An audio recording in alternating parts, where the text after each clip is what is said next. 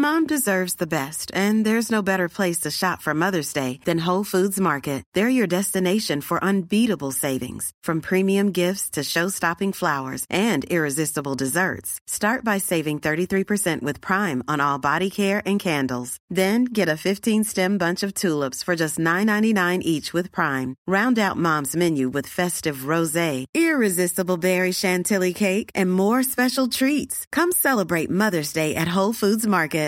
Everyone knows therapy is great for solving problems, but getting therapy has its own problems too, like finding the right therapist, fitting into their schedule, and of course, the cost. Well, BetterHelp can solve those problems.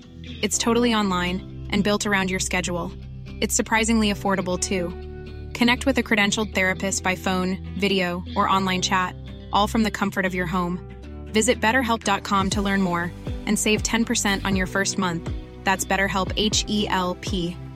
I'm Sandra, and I'm just the professional your small business was looking for. But you didn't hire me because you didn't use LinkedIn jobs. LinkedIn has professionals you can't find anywhere else, including those who aren't actively looking for a new job but might be open to the perfect role, like me.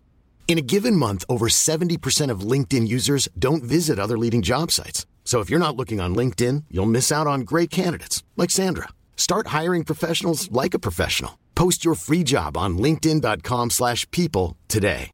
Hey, I'm Ryan Reynolds. At Mint Mobile, we like to do the opposite of what Big Wireless does. They charge you a lot, we charge you a little. So naturally, when they announced they'd be raising their prices due to inflation, we decided to deflate our prices due to not hating you. That's right. We're cutting the price of Mint Unlimited from $30 a month to just $15 a month. Give it a try at mintmobile.com slash switch. $45 upfront for three months plus taxes and fees. Promo for new customers for limited time. Unlimited more than 40 gigabytes per month. Slows. Full terms at mintmobile.com.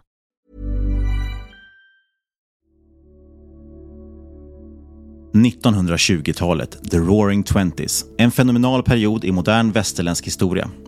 Det glada 20-talet kännetecknades av framtidstro, modernitet, nya djärva kulturyttringar och så förstås en otroligt expansiv ekonomi. Nya innovationer drev på utvecklingen. Automobilen, radio, telefoner och film var bara några av de nya elektriska tingen som hintade om en ännu ljusare framtid. Och det var inte så konstigt. Man hade just upplevt det första världskriget och lagom till att vapnen äntligen lades ner slog spanska sjukan ner som en bomb och nästan en tredjedel av världens befolkning skulle insjukna inom några år. Dödssiffrorna var astronomiska och sjukdomen slog mot alla åldersgrupper. Men efter världskrig och pandemi väntar ett årtionde av vilda fester och en tro på permanent fred och evig tillväxt. Det var alltså inte så konstigt att spekulanter också började flockas till börserna. Alla deltog i börshyran, från de mest förmögna kapitalister till tidningspojken på hörnet ville vara med och försöka pricka nästa aktie som skulle göra just dem rika. Du behöver inte ens ha egna pengar i fickan för att vara med på festen. Du går bara till banken och ber om ett lån för att köpa aktier. Folk pantsätter sina hus, sina företag, ja allt de kan för att investera i den ljusa framtiden. Det blir snart en sanning att börsen alltid stiger och med den vetskapen är det ju vansinne att stå utanför och bara titta på när alla andra blir rika. Till och med Irving Fisher, fortfarande ansedd som en av de främsta ekonomerna genom tiderna, menar på att aktiekurser nu helt enkelt nått en permanent hög nivå. Och i mars 1929 förbereder man sig för att fira in det nya årtiondet. Alla är överens om att även 30-talet kommer att bli en fest. Dow Jones är på all time high, Aktiemarknaden har gått spikrakt uppåt i nio år och har sexdubblats sedan början på 20-talet. Men tyvärr måste alla fester ha ett slut och desto vildare party, desto värre brukar baksmällan bli. Något 20-talets optimistiska spekulanter snart skulle bli varse om. Gatsby believed in the green light, the orgastic future that year by year recedes before us. It eluded us then, but that's no matter. Tomorrow we will run faster, stretch out our arms farther, and one fine morning, so we beat on, boats against the current, borne back ceaselessly into the past. I'm amazed how many people own stocks. They, they would not be able to tell you why they own. They couldn't say in a minute or less why they own. Actually, you really press them down, they'd say, the reason I own this is the sucker's going up. There's enough cash in the financial system and there's an infinite amount of cash at the Federal Reserve, an infinite amount of cash. Put that check in a money market mutual fund. Then we'll reinvest the earnings into foreign currency accounts with compounding interest, and it's gone. So they had to do something. All they had left was just to print money and start buying things. And that's what they did. Quick buck artists come and go with every bull market, but the steady players make it through the bear market. Say money can't buy happiness. Look at the fucking smile on my face. Hej och välkommen till ett nytt avsnitt av Market Makers. Sommaren är äntligen här och det betyder förstås också att det är dags för Market Makers traditionsenliga sommarserie. Som det här året passande nog ska handla om vadå? Fyra historiska börskrascher. Det är ju så, vi kommer djupdyka här i den ekonomiska historien och försöka förklara varför en bubbla uppstår, hur det känns att vara där och givetvis också studera den efterföljande kraschen. Och det finns förstås otroligt många krascher genom historien. Vem minns inte tulpanmanin i 1600-talets Holland eller de vilda spekulationerna i det brittiska handelskompaniet South Sea Company på 1700-talet? Nej, det har inte varit ett lätt jobb att bara välja fyra av otaliga börskrascher genom historien. Men det är fyra kriser som vi tycker känns extra intressanta att dra lärdomar av med tanke på situationen i världsekonomin just nu. Det är fyra historiska bubblor som alla spruckit det senaste århundradet och därför inte kan skyllas heller på att man inte visste bättre eller att spekulation var något nytt fenomen. Årets fyra sommaravsnitt kommer därför att handla om 1929 och den stora depressionen, oljekrisen 1973, millennieskiftets dotcom-bubbla och givetvis krisernas kris, finanskrisen 2008 som la grunden för den värld vi lever i idag med minusräntor och centralbanker som stödköper obligationer och till och med aktier. Och det finns en tydlig röd tråd genom var och en av dessa recessioner, vilket vi hoppas kommer bli allt klarare för varje avsnitt. Förhoppningsvis kommer också sommarserien att ge dig nya perspektiv på ekonomi, börsen och investeringar. Så sjunk ner i solstolen, tryck in hörlurarna lite extra, för nu kör vi igång Market Makers sommarserie 2022.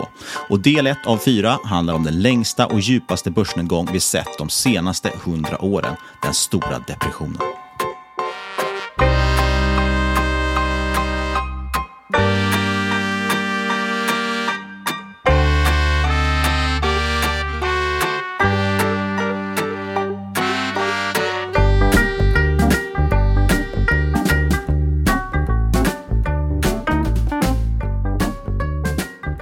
1920-talet, det är en tid av välstånd och excesser som drivs av uppsving i investeringar och konsumtion efter första världskriget.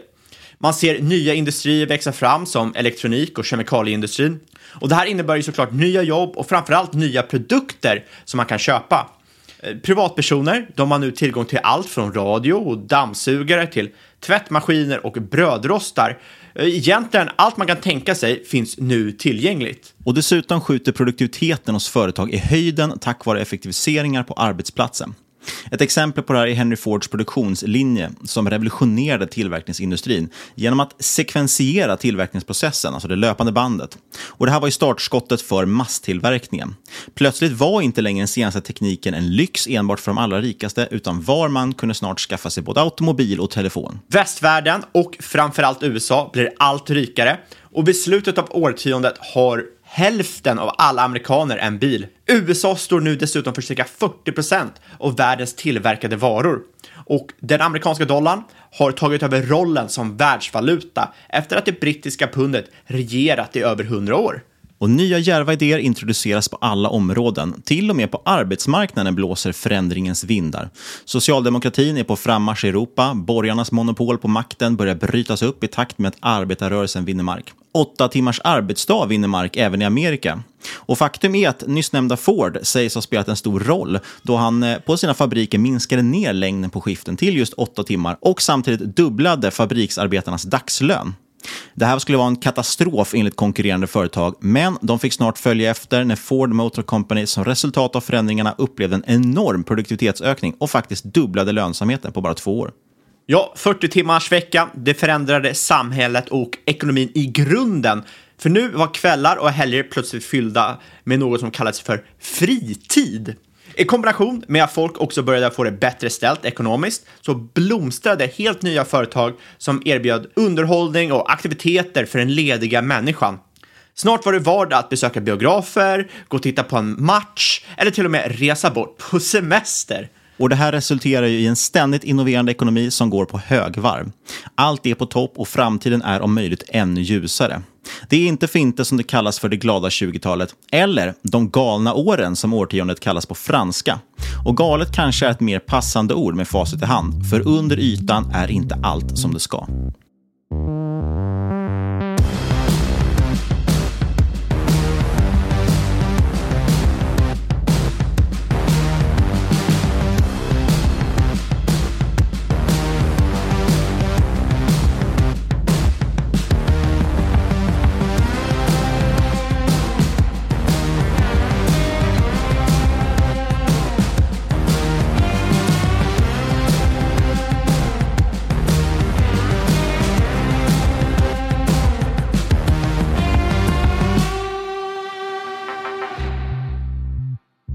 Det glada 20-talet skapar som sagt förväntningar om en ny och bättre levnadsstandard. I USA vill alla leva den nya amerikanska standarden som det kallas. Och även om många har fått det gott ställt i den nya ekonomin så ökar efterfrågan på krediter snabbt. Banker, de blir allt mer generösa i sin utlåning. Pengar är var mans rätt och det ses inte egentligen som något konstigt att vilja låna pengar för spekulation på börsen. Ja, bankerna blir allt mer generösa i sin utlåning. Pengar är var mans rätt och det ses inte heller som något konstigt att vilja låna pengar för spekulation på börsen. Lättillgängliga krediter är grogrunden för i princip alla bubblor och precis som med många droger så är det kanske berusande i början men snart övergår lånandet till ett beroende och det hela slutar i bästa fall bara med en rejäl baksmälla. När skuldsättningen ökar eldar det också på ekonomin när konsumtion och investeringar ökar som i sin tur föder ytterligare tillväxt och så blir hela självförstärkande, en positiv feedback loop. Men varje skuld ska såklart i slutändan också betalas tillbaka och dessutom med ränta. En viss belåning kan absolut vara positiv i och med att det fungerar som en hävstång och ökar din avkastning när det går åt rätt håll. Hävstången går dock åt två håll och vid en dålig affär kan för kraftig belåning vara det som avgör om det hamnar på gatan eller klarar det enbart med skrapsår. Och i ett lite större perspektiv så är en viss skuldsättning i princip ett måste för en växande ekonomi. Krediter fungerar ju lite som den ekonomiska motorns olja och ser till att både företag och hushåll mår bra i det välsmorda maskineriet. För att skapa tillväxt krävs ett visst mått av risktagande och givetvis finansiering. För varje nytt företag börjar med en idé, men om ingen vågar ta sig an att förverkliga idén är den inget värd. Med en välfungerande kreditmarknad kan företagets väg till framgång bli betydligt kortare eftersom man får pengar att satsa och slipper oroa sig för att direkt börja tjäna pengar. Så en viss mängd krediter accelererar hela ekonomin och det är förstås lätt då att man lockas till att öka takten ytterligare genom att öka kreditmängden. Men blir lånen för lättillgängliga och för billiga så börjar istället produktiviteten faktiskt att minska istället för att öka. För låga räntor ger lägre avkastningskrav för den som lånar ut pengarna och man blir allt slappare med vilka man lånar ut pengar till. Och så får vi då både spekulationsbubblor och företag som aldrig borde sett dagens ljus och aldrig har för ambition att betala tillbaka sin skuld. När vi lånar pengar lånar vi dessutom från framtiden. En krona banken ger mig idag måste jag ju i framtiden returnera, med ränta dessutom. Och Det betyder att det är en krona mindre jag kommer tjäna i framtiden. Och om lånet ska vara värt att ta för mig, då måste jag ju känna mig trygg med att pengarna går in i en investering som avkastar bättre än räntan jag betalar på lånet. När man börjar låna för konsumtion blir det rätt snabbt uppenbart och än värre kan det bli när man lånar för spekulation. Att belåna sig för att köpa en trisslott det skulle ingen rationell individ göra, men är man mitt inne i en euforisk bubbla så ser man bara möjligheter och inga risker. En aktie som tidigare skulle ansetts som högrisk och med samma chans att lyckas som just en trisslott framstår i manin som en säker placering och omöjlig att förlora pengar på. Under det glada 20-talet blir krediter alltså allt mer tillgängliga och till en början fungerar det som bränsle för ekonomin. Men snart är det inte bara företag som tar lån för att aggressivt expandera. Privatpersoner börjar låna allt mer för att ta del av de senaste bekvämligheterna. Förutom att skaffa sig större och finare hus börjar också skuldsätta sig för att köpa tvättmaskiner, radio, egentligen allt möjligt. Och den välbekanta Henry Ford, han erbjuder givetvis också sin hetaste bil Model T på avbetalning. Konsumtionshetsen och kreditkulturen skapar en extrem kedjereaktion genom alla industrier.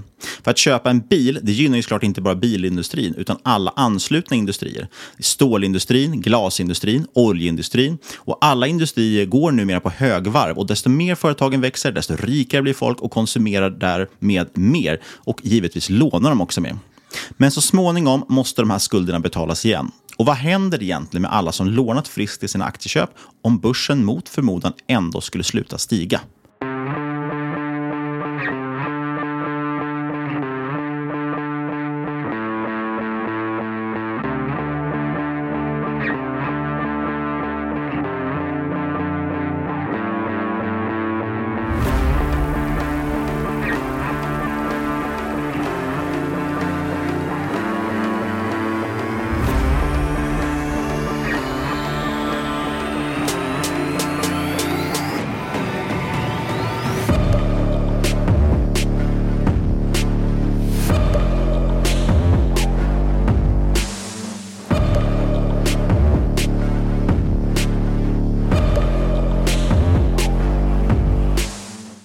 Bönderna är de första som börjar känna av konsekvenserna av kraftig belåning.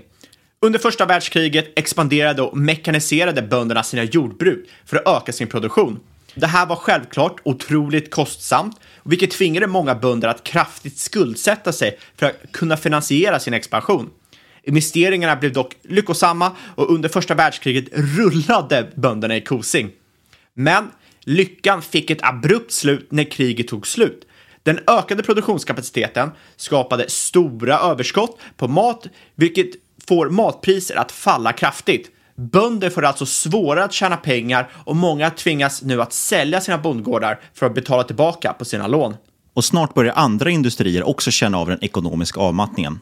1925 börjar tillväxten i bilindustrin avta. Detsamma gäller byggnadsindustrin och stålproduktionen.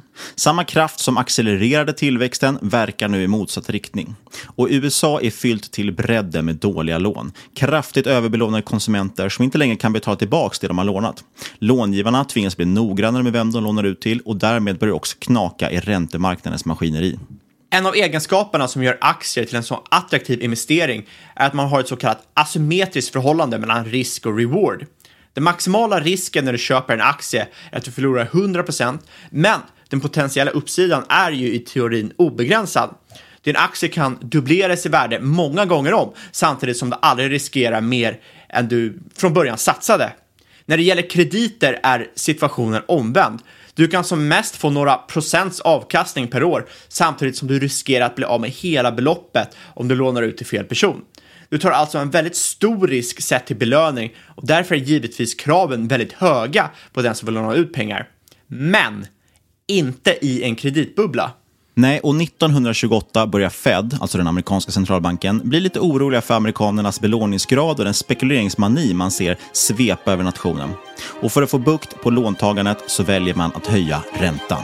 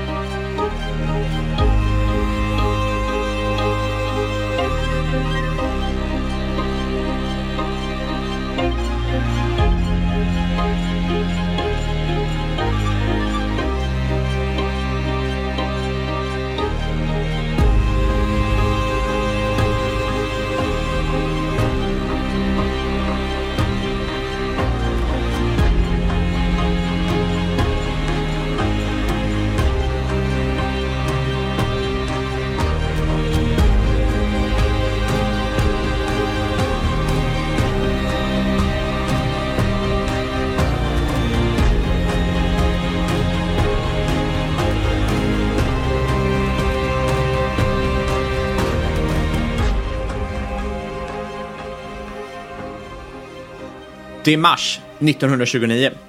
Fed går ut och varnar för den omåttliga spekuleringen som sker på börsen. Och detta skapar en chockvåg bland spekulanter och börsen faller skarpt. Marknaden återhämtar sig dock när Charles E. Mitchell från National City Bank köper aktier för 25 miljoner dollar för att stabilisera börsen. Trots att många spekulanter blivit lite omskakade av händelsen faller de snabbt in i gamla hjulspår igen, trots den första varningen. Och de kommande månaderna fortsätter faktiskt börsen stadigt tugga uppåt, trots att ekonomin blir allt svajigare. Investerare har skakat av sig nedgången som skedde i mars och det är nya tag som gäller nu. Men torsdagen den 24 oktober 1929 händer något som ingen på börsen hade kunnat föreställa sig. Börsen öppnar ned hela 11 procent och marknaden grips av panik. Volymen av trades exploderar och stockticken hinner inte ens med att leverera de faktiska aktiekurserna. Tumult utbryter och till slut vet ingen längre till vilken kurs aktierna faktiskt handlar sig. Mäklare i Chicago och i Kalifornien får fyra timmar gammal data som de ska handla på.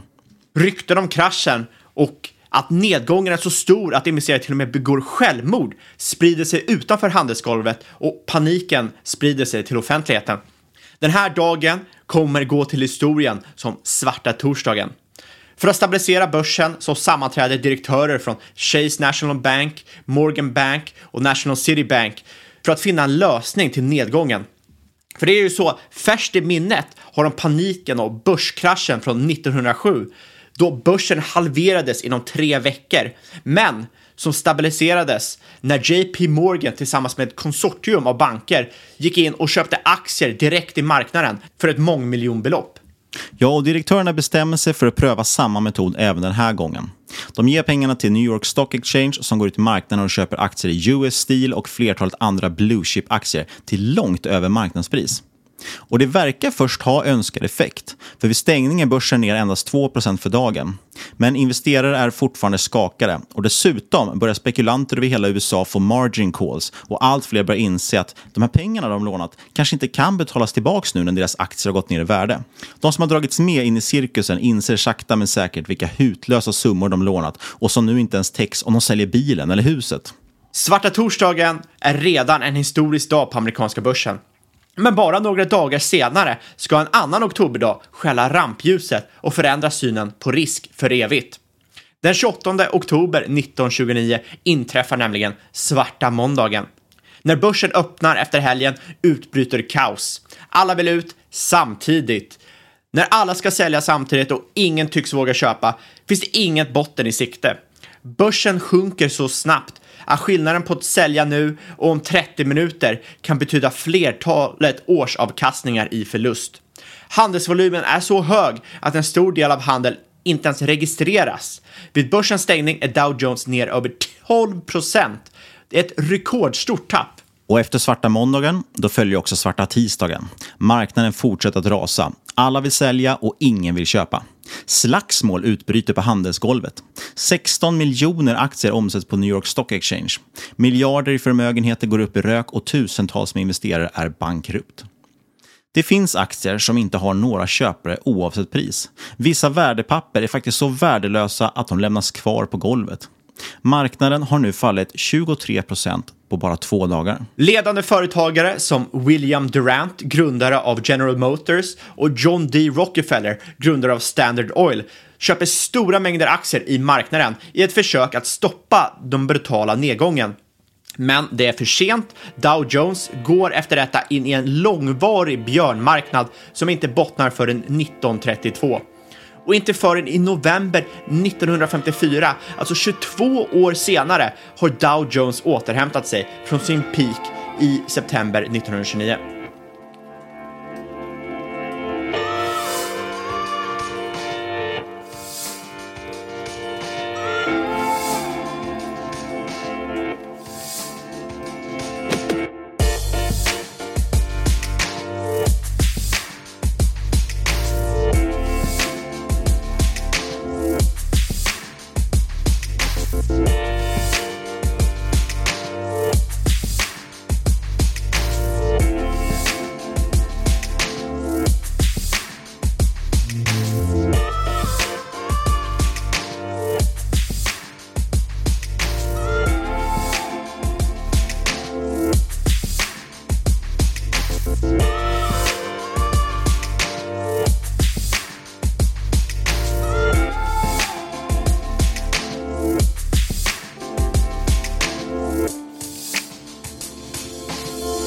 Många tror nog att den stora depressionen startade på grund av börskraschen 1929. Men det är inte riktigt sant. Eh, den startade ju efter kraschen, men inte på grund av kraschen.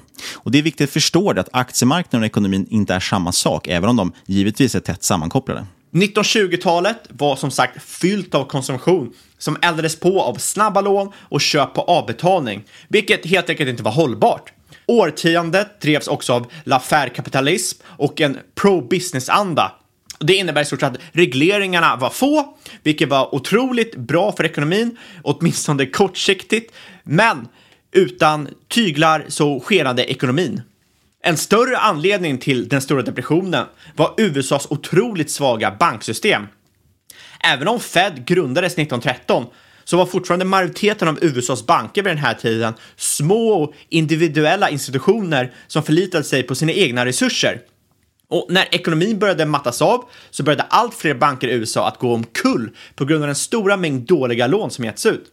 Och det här skapade en panik bland befolkningen som inte visste vilken bank som stod på tur att gå under och alla ville såklart få ut sina pengar så snabbt som möjligt. Ja, och det här resulterade i en så kallad bank run över hela nationen. Där kunder alltså flockade till bankerna för att kräva ut de pengar de hade satt in på kontot.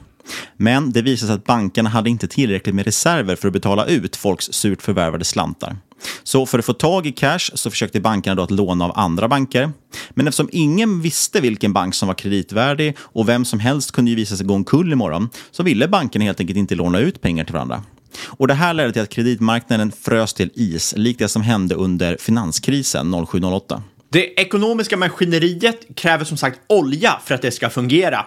Och när oljan torkar upp, eller krediterna i det här fallet, så leder det till fullständigt motorhaveri. Ett fruset kreditsystem innebär att mindre pengar fanns i cirkulation, vilket ledde till deflation i ekonomin. Priser på varor gick ned, vilket innebar att företag behövde minska sina omkostnader. Och det här gjordes först och främst genom att sparka anställda och då har ju självklart de här människorna inte längre råd att konsumera som de tidigare gjort, vilket minskade efterfrågan och därmed priserna ytterligare i en ond spiral.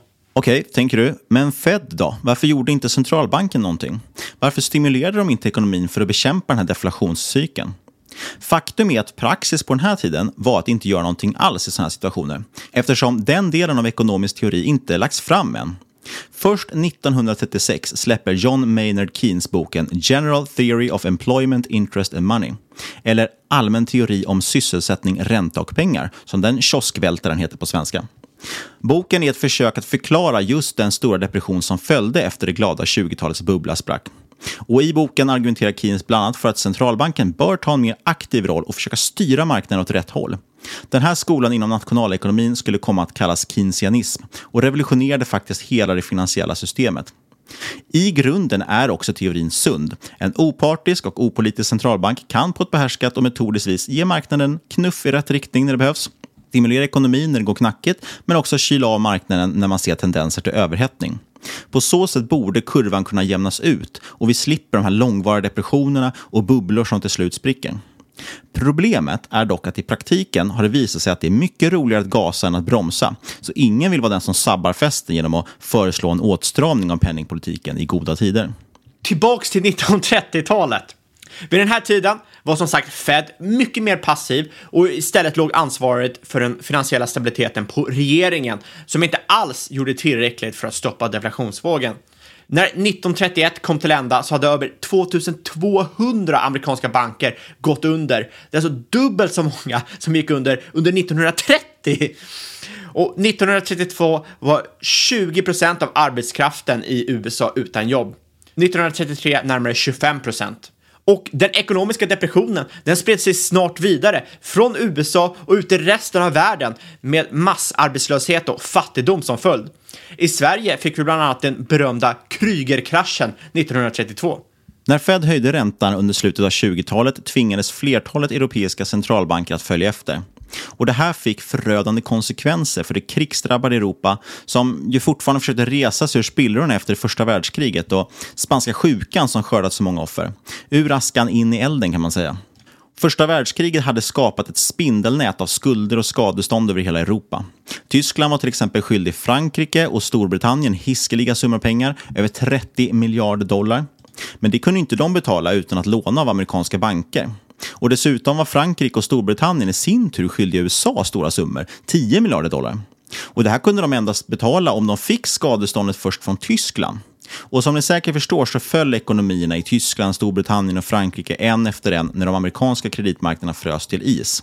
Och när de stora industriländerna i världen stannade upp, ja, då gjorde även resten av världen det. Dessutom förvärrade flertalet politiska misstag depressionen. Till exempel genom att USA och europeiska länder satte upp höga tariffer för att skydda sin egna industri, vilket resulterade i att det blev ännu färre köpare, det blev mindre handel och framförallt färre jobb. 1933 var den globala handeln mer än 60 procent lägre än vad den varit fyra år tidigare. Tekniskt sett så anses den stora depressionen varit över 1933. Men det tog många länder fram till slutet på 30-talet, eller till och med början på 40-talet, att återhämta sig helt.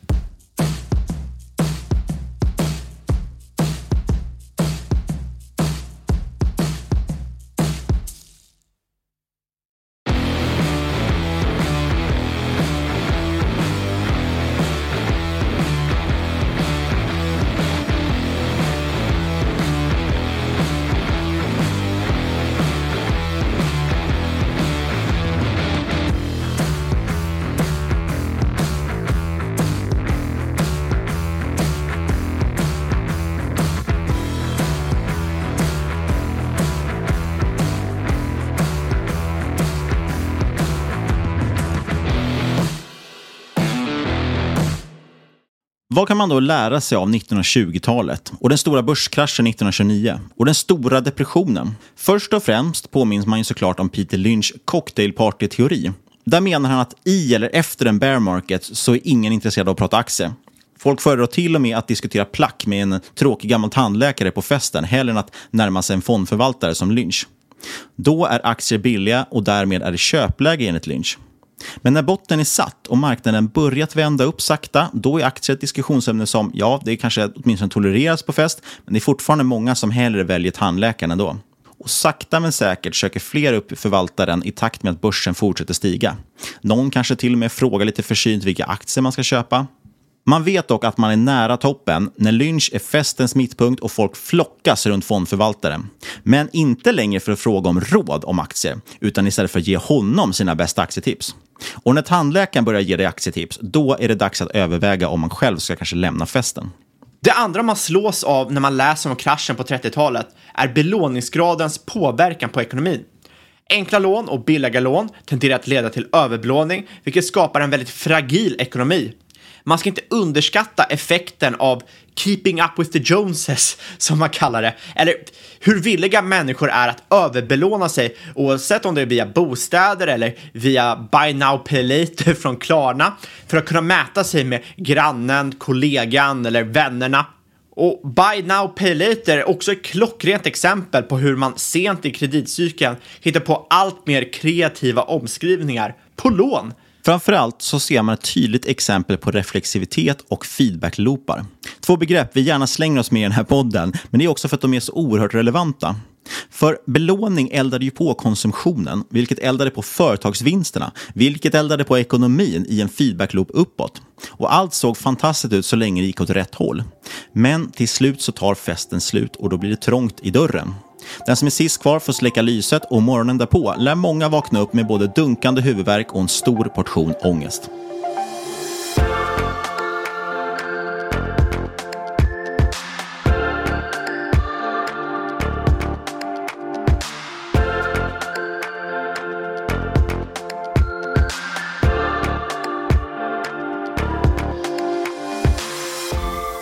Inget hört i den här podcasten ska ses som rådgivning. Alla åsikter var egna Älgväst och eventuella sponsorer tar inget ansvar för det som sägs i podden. Tänk på att alla investeringar är förknippade med risk och sker under eget ansvar. Vill du kontakta oss kan du göra det på podcast at marketmakers.se eller på Twitter eller på aktier at marketmakerspod. Och glöm inte att lämna en recension på iTunes. Sist men absolut inte minst, stort tack kära lyssnare för att just du har lyssnat. Vi hörs igen om en vecka och då har vi en ny saftig kris att förkovra oss i.